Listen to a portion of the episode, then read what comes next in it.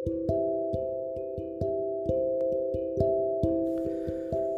န်ကုန်မြို့မှာလက်ဖက်ရည်ဆိုင်တွေဘယ်လောက်ရှိသလဲလို့မဆိုနိုင်ဘူးမြန်မာတနိုင်ငံလုံးဆိုရင်တော့မပြောနဲ့တော့တိမ်တန်းချီပြီးရှိမယ်ထင်တယ်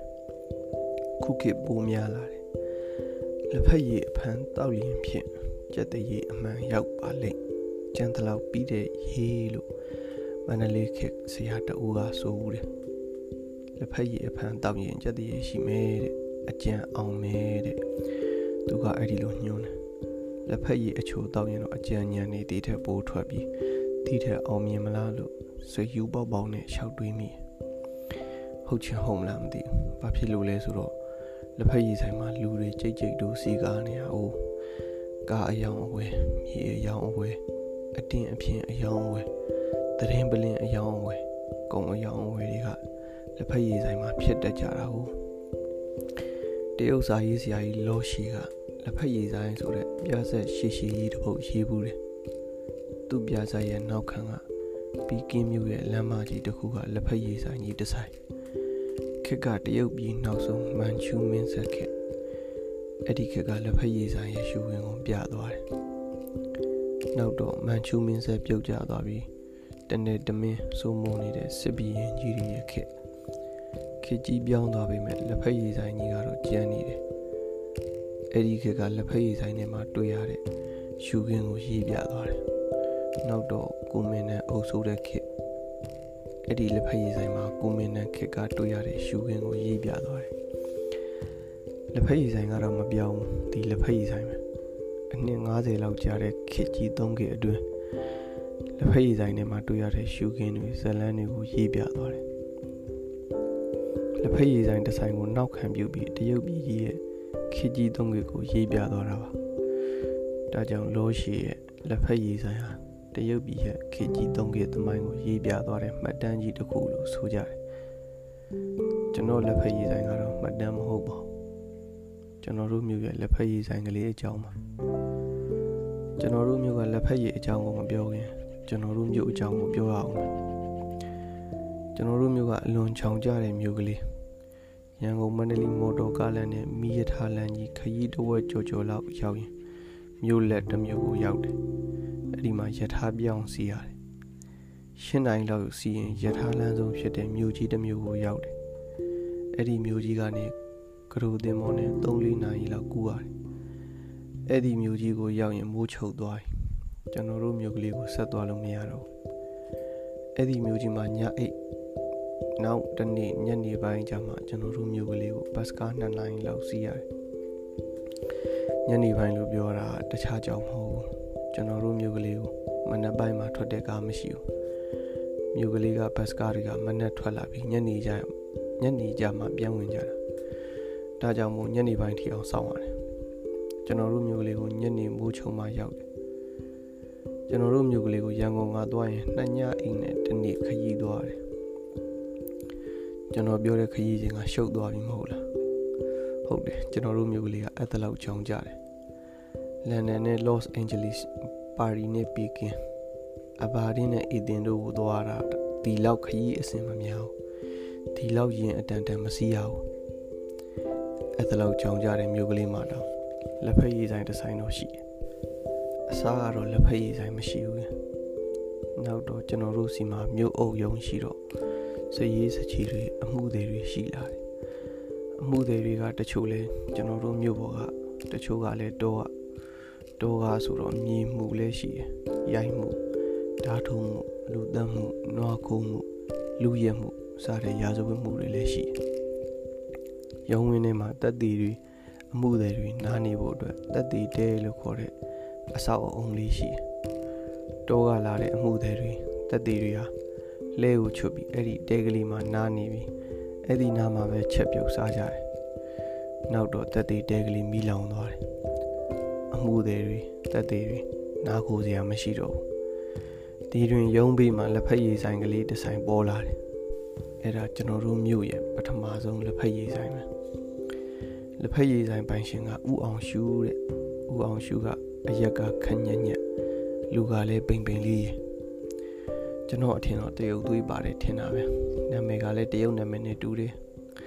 အသားဖြူတော့လူကလည်းတရုတ်နဲ့တူတယ်ကျွန်တော်တို့မျိုးစားတီမဟုတ်ပါဘူးကျွန်တော်တို့မျိုးကတော့ဖွားမိနဲ့အကြောင်းပါပြီကျွန်တော်တို့မျိုးမှာပဲအခြေချနေတာဥအောင်ရှူကအမြဲတမ်းလိုလိုပန်းနာရင်ချက်ဖြစ်နေတတ်တယ်။နှွေဆိုရင်လည်းနှွေမို့လို့ပန်းနာထားတယ်။စောင်းဆိုရင်လည်းစောင်းမို့လို့သူယောဂါထားတယ်။မိုးရင်မှာတော့သူယောဂါကတက်တာတယ်။ အညာဆိုတော့မိုးကကောင်းကောင်းမရွာဘူး။နေကလည်းຫນွေလောက်မပူဘူး။စောင်းလောက်လည်းမအေးဘူး။ဒီတော့သူယောဂကအညာမိုးထဲနဲ့ဆိုရင်အတော်ပဲ။ကျန်တဲ့အချိန်တွေမှာတော့ကိုယ်အင်းကြီးကြီးနဲ့ခေါင်းမှာကပ်အုပ်ထုပ်ကလေးနဲ့ခြေမှာခြေအိတ်ကိုဝင့်နေရတာပဲဥအောင်ရှူနဲ့ဒေါ်ဖွားမိမှာတာသမီမရဘူးသူတို့လင်မယားနှစ်ယောက်ပဲရှိတော့ချောင်းချောင်းလေးလေးရှိတယ်တက်တီတဲကလေးမီးလောင်သွားတော့ တောကလာတဲ့အမှုတွေဒုက္ခရောက်ကြတယ်တက်တီတဲကိုမီးလောင်ထားတော့ယုံကလည်းယုံဝင်ထဲမှာမီးမဖို့ရလို့အမိတ်ထုတ်တာအမှုတွေတက်တီတွေမှာလက်ဖက်ရည်အဖန်ကလေးတောက်ချင်လို့မှရည်နွေးမရှိဘူးအနီးတစ်ဝိုက်မှာတမာပင်တို့မကြီးပင်တို့စတဲ့အရေးရတဲ့တစ်ပင်တွေတော့ရှိပါရဲ့ဒါပေမဲ့မြို့အုပ်ယုံကမြို့လေကောင်မှာရှိတာဆိုတော့အဲတက်တီတဲကလေးမီးလောင်ပြီးကနေကအနီးအနားတစ်ဝိုက်ကတစ်ပင်တွေအောင်မှလည်းမီးမပိုရဘူး မှုတွေတွေဈေးသွားဈေးလာတွေထမင်းမချက်ရဘူးလို့အမိန်ထုတ်ထားတယ်ဒီတော့အမှုတွေတွေဈေးသွားဈေးလာတွေရေနွေးကလေးတောက်ချင်လို့မှရေနွေးကြိုးစရာမရှိဘူးလက်ဖက်ရည်အဖန်ကလေးတောက်ချင်လို့မှအဖန်အိုးကြိုစရာမရှိရေနွေးကိုမကြိုရတဲ့ထဲမှာဈေးသွားဈေးလာတွေလည်းပါတယ်ဈေးသွားဈေးလာဆိုတာအခြားမဟုတ်ဘူးကျွန်တော်တို့မျိုးကလေးကိုဈေးလာရောင်းကြသူတွေဈေးလာဝယ်ကြသူတွေကိုပြောတာကျွန်တော်တို့မြို့မှာနေတိုင်းဈေးမရှိဘူး ငါးရက်ဈေးရှိတယ်ဈေးဖိနေဆိုရင်မြို့ကလေးကို14ငါးမိုင်ခရီးအထိကျွန်တော်တို့မြို့ကငါးရက်ဈေးကလေးကိုလာပြီးဈေးရောင်းကြတယ်လေတန်းကြီးတွေတအီအီနဲ့ပေါ့လဲတွေပေါ်မှာမကြီးထန်းလျက်အိုးပဲပြောင်းနှမ်းမိပဲစသည်ဖြင့်ကြီးလက်ထွက်ကုန်တွေပါတတ်တယ်လဲတွေပေါ်မှာပဲအိတ်တွေကိုတင်းလဲပေါင်းမှုအောင်မှာမိသားစုတစုလုံးလိုက်လာကြတယ် နောက်ကဖုံးတွေတထောင်းထောင်းကြမှာခွေးကလေးကပြေးလိုက်လို့တက်တီတဲကိုမီးလောင်ထားတော့စောစောကပြောသလိုအမှုတွေအတွက်ရောဈေးသွားဈေးလာတွေအတွက်ရောလက်ဖက်ရည်အဖန်ကလေးတောက်ဖို့တောင်ခက်ခဲနေဒီရင်မိတ်ဆွေတွေကဥအောင်ရှူကိုလက်ဖက်ရည်ဆိုင်ဖွင့်ဖို့အကြံပေးကြတယ်ဥအောင်ရှူဆိုတဲ့လူကအပေါင်းအသင်းကောင်းတယ်ပျော်ပျော်နေတတ်တယ်စေတနာကောင်းတယ်သူ့အိမ်ကတထက်မြေဆိုင်အိမ်ကလေးယုံကြည်ပေးနာမှာကက်လို့ သူကဒီတော့ကဇေတောက်ခုံကလေးထောင်းတယ်ကျွန်တော်တို့ကလေးတွေတော့တော်ပြီးကစားကြတယ်ကစားကားကိုတော့ပေးရတာပေါ့တပွဲကိုဘယ်လောက်စသည်ဖြင့်ပေါ့နောက်တော့သူပီလီယခုံထောင်တယ်ပီလီယခုံကပထမတော့ခုံသေးနောက်တော့ခုံကြီးထောင်တယ်သူကငကိုကလေးကပီလီယဝါသနာပါတယ်တော်ဖွားမိနဲ့မရခင်လူပြိုကလေးကပီလီယကိုအလွန်ဝါသနာကြီးတယ်ဒါကြောင့်တော်ဖွားမိနဲ့ရလို့ကျွန်တော်တို့မျိုးကလေးရောက်လာတော့ စေတောက်ခုံကလေးစားထောင်းတယ်နောက်တော့မြို့ကကာလာသားတွေနဲ့ပေါင်းပြီးပြီးပီလီယခုံထောင်းတယ်ပီလီရဲ့ခုံကတကလက်စပွဲခင်းစိမ်းကြီးပေါ်မှာပြေးလွှားနေတဲ့ဘောလုံးအဖြူအနီကလေးတွေနဲ့ကျူတန်ကြီးကိုတအံ့တောကြည့်ကြတယ်ဒီလိုနဲ့ဥအောင်ရှူလက်ဖက်ရည်ဆိုင်ထောင်းတယ်ကျွန်တော်တို့မြို့ကလေးမှာပထမဆုံးသောလက်ဖက်ရည်ဆိုင်တရုတ်သွေးပါတဲ့ဥအောင်ရှူရဲ့ဆိုင်သူ့ဆိုင်မှာလက်ဖက်ရည်ရတယ်ကော်ဖီရတယ် ကိုကိုရတယ်မုံတွေကဆိုရင်ဒါလီမုတ်လာမုတ်ကြောက်မုတ်အန်စာမုတ်မုံချိုးလိန်စားတဲ့တရုံပုံမျိုးစုံရတယ်စီဂရက်ကအဲ့တုန်းကခေတ်စားတဲ့ကက်ပစတန်ပိုလိုစီလန်ကလောက်ကကြီးကိုဖလိတ်မုတ်စိတ်ပလီယာစားတဲ့စီဂရက်တွေရတယ်အများအပြားတော့ပိုလိုပဲများပါတယ်ကျွန်တော်တို့စီမှာတော့ဖြူဖြူအလိတ်ဆိုရင်ဘယ်စီဂရက်ကိုပဲဖြစ်ဖြစ်ပိုလိုလို့ခေါ်လိုက်တာပဲ တချို့ကတော့မြင်းပိုလိုလို့လည်းခေါ်ကြသေးတယ်ပိုလိုရိုက်နေတဲ့တစိမ့်နဲ့အများအားဖြင့်တော့တခြားစီကရက်ကိုသိမတော့ကြတော့ဘူးပူလူကိုပဲတောက်တာပါပဲဈေးလဲပေါ်စီးဆက်နဲ့အနှံ့ကလည်းမြန်မာအကြိုက်နဲ့တွေ့လို့ထင်ပါရဲ့ဥအောင်ရှူရဲ့လက်ဖက်ရည်ဆိုင်ဟာတနည်းနှစ်နှစ်လောက်အတွင်းမှာကြီးပွားလာတယ်လက်ဖက်ရည်ဆိုင်နဲ့မုံနဲ့မကတော့ပဲကုံစုံဆိုင်ဖြစ်လာတယ်ကျွန်တော်တို့စီမှာတော့ရှက်ဆိုင်လို့ခေါ်တာပေါ့စွတ်ကျေအင်ကြီးတို့ အလှကုံတို့အိမ်သုံးစီးတို့ခဲတံပလာစာအုပ်တို့ပေါင်နာဘူးတို့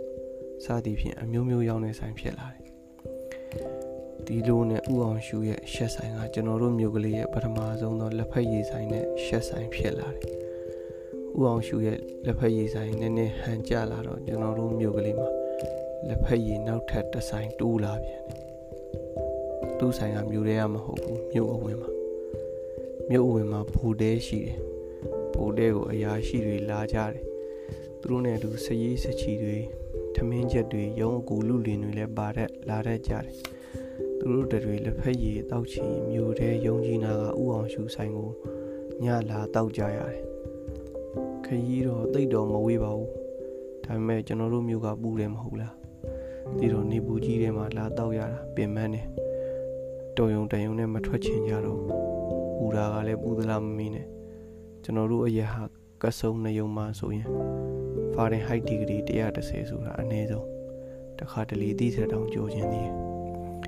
ဒီတော့မြို့အဝင်ဘိုးတဲနာမှာလက်ဖက်ရည်ဆိုင်တစ်ဆိုင်တိုးလာတယ်ဒီဆိုင်ကတော့မွတ်စလင်အမျိုးသားဖြစ်တဲ့ဥယူဆွပါကျွန်တော်တို့မြို့ကလေးကတော့သူ့ကိုဥပယူလို့ခေါ်ကြတယ်သူလည်းကျွန်တော်တို့မြို့သားမဟုတ်ဘူး ကျွန်တော်တို့မြို့ကလေးကကြောင်ကြတော့ကျွန်တော်တို့တစ်မြို့လုံးကဗမာရေးကြီးပဲတခြားလူမျိုးစုတွေတောင်မရှိဘူးတရုတ်သွေးပါတဲ့ဥအောင်ရှူကတနေသားအိန္ဒိယသွေးပါတဲ့ဥပယူကလည်းတနေသားကျွန်တော်တို့စီလာပြီးအလုပ်လုပ်ရင်ကျွန်တော်တို့အရက်သူတွေနဲ့အိမ်တောင်ကြပြီးအခြေကျသွားကြတယ်ဥပယူရဲ့လက်ဖက်ရည်ဆိုင်ကတော့အိမ်မဟုတ်ဘူးသူ့အိမ်ကနည်းနည်းလှမ်းတယ်ဒီတော့ဘိုတဲရှိကမကြီးပင်ကြီးနာမှာဆိုင်ကလေးတစ်ဆိုင်စောက်တယ် သူလည်းအဲ့ဒီမှာအိတ်တယ်သူ့ဆိုင်ကလက်ဖက်ရည်ကော်ဖီရတယ်ပြီးတော့စမူစာပလာတာစတဲ့ကလားမုန်တွေရတယ်ဘယ်ဆိုလို့လဲကျွန်တော်တို့မြို့လိုတိတ်ပြီးဂျောင်ကြတဲ့မြို့ကလေးမှာလက်ဖက်ရည်ဆိုင်နှစ်ဆိုင်ရှိသွားပြီပေါ့တစ်ဆိုင်ကတရုတ်သွေးပါတဲ့ဥအောင်ရှူရဲ့ဆိုင်နောက်တစ်ဆိုင်ကအိန္ဒိယသွေးပါတဲ့ဥပါယူရဲ့ဆိုင်တရုတ်မုံနဲ့လက်ဖက်ရည်နဲ့ကော်ဖီတောက်ချင်းကျွန်တော်တို့တွေဥအောင်ရှူဆိုင်ကိုသွားကြတယ်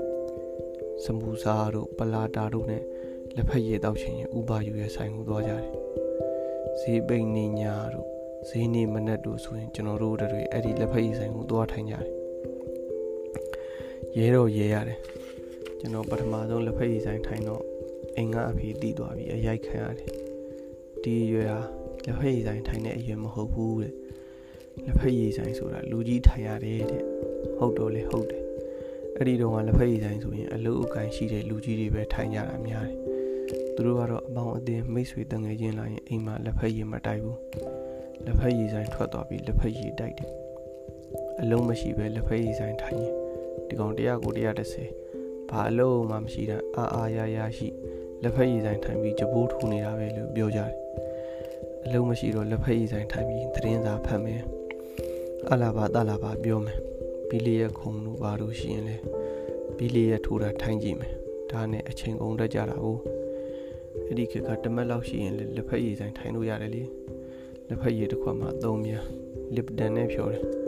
ဒါမှမဟုတ်ရင်လည်းဘရိုဘွန်းနဲ့ဖြော်တယ်လစ်ဒန်လက်ဖက်ချောက်တို့ကခဲဘက်နဲ့အစိမ်းရောင်စကူတစိမ့်လေးကတ်လို့ဘရိုဘွန်းကဘူးနီဖြော်တော့နိုးစီနဲ့မဖြော်ဘူးနိုးကျဲဘူးနဲ့ဖြော်တယ် စီဂရက်ကပိုးလို့ဆိုရင်ဆယ်လေးဝင်တပူဆယ်ပြားနဲ့သုံးဘဲလောက်ပဲပေးရကျွန်တော်တို့မြို့ကလေးမှာဒီလိုနဲ့တရုတ်ဆိုင်နဲ့ကလားဆိုင်ပေါ်လာတယ်နောက်တော့မြန်မာဆိုင်ဆိုပြီးပေါ်လာပြန်တယ်သူကဈေးနာမှာဖွင့်တယ်ဆိုင်ရှင်ကဥပါချမ်းနဲ့ပထမဆုံးလက်ဖက်ရည်ဆိုင်ဖွင့်တဲ့ဥအောင်ရှူရဲ့ရောက်ဖသူ့အမနဲ့ဥအောင်ရှူရတာသူကလက်ဖက်ရည်ဖြော်တဲ့အတွေ့အကြုံရှိတယ် သူ့ရောက်ဖဥအောင်ရှူရဲ့ဆိုင်မှာတခြားလုံးလက်ဖက်ရည်ဖြော်လာတာဥအောင်ရှူကကျမ်းမာရေးမကောင်းတော့လက်ဖက်ရည်ဆိုင်ကိုဖြုတ်လိုက်ပြီးကုံစုံဆိုင်တက်တက်ပဲဖွင့်တော့တယ်ဥပါချမ်းဆိုင်မှာတော့မြန်မာမုံနေတင်းလာတယ်စနုမကင်တို့ဝက်ဦးချောင်းတို့ပရာကျော်တို့မယွေးတို့အုံမန်ကူတို့ရောင်းတယ်နောက်တော့ဥအောင်ရှူကကျွန်တော်တို့မြို့မှာပလေယောဂါကြီးဖြစ်လို့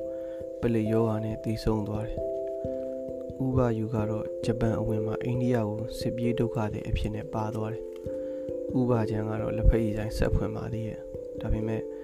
ဂျပန်ခေတ်ကြတော့တခြားမရလက်ဖက်ချောင်းမရနှုတ်စီမရနဲ့ဆိုတော့သူအရင်ညီလေးပြုတ်ပြီးလက်ဖက်ရည်ဆိုင်ကလည်းပြုတ်သွားတယ်လက်ဖက်ရည်ဆိုင်ယဉ်ကျေးမှုဟာတရုတ်ကစတယ်လို့ဆိုကြတယ်ဒါကြောင့်မို့လို့လားတော့မသိကျွန်တော်တို့မြို့မှာတော့ပထမဆုံးလက်ဖက်ရည်ဆိုင်ကတရုတ်လက်ဖက်ရည်ဆိုင် နောက်တော့ကလားလက်ဖက်ရည်ဆိုင်ဗမာလက်ဖက်ရည်ဆိုင်ကတော့နောက်ဆုံးပေါ်လာတာဒီလက်ဖက်ရည်ဆိုင်သုံးဆိုင်ဟာကျွန်တော်ဘဝတနည်းပြောရရင်ကျွန်တော်တို့မြို့ကလေးမှာပထမဆုံးတွေ့ရတဲ့လက်ဖက်ရည်ဆိုင်တွေပဲလွန်ခဲ့တဲ့နှစ်ပေါင်း90လောက်ကဖြစ်မှာပေါ့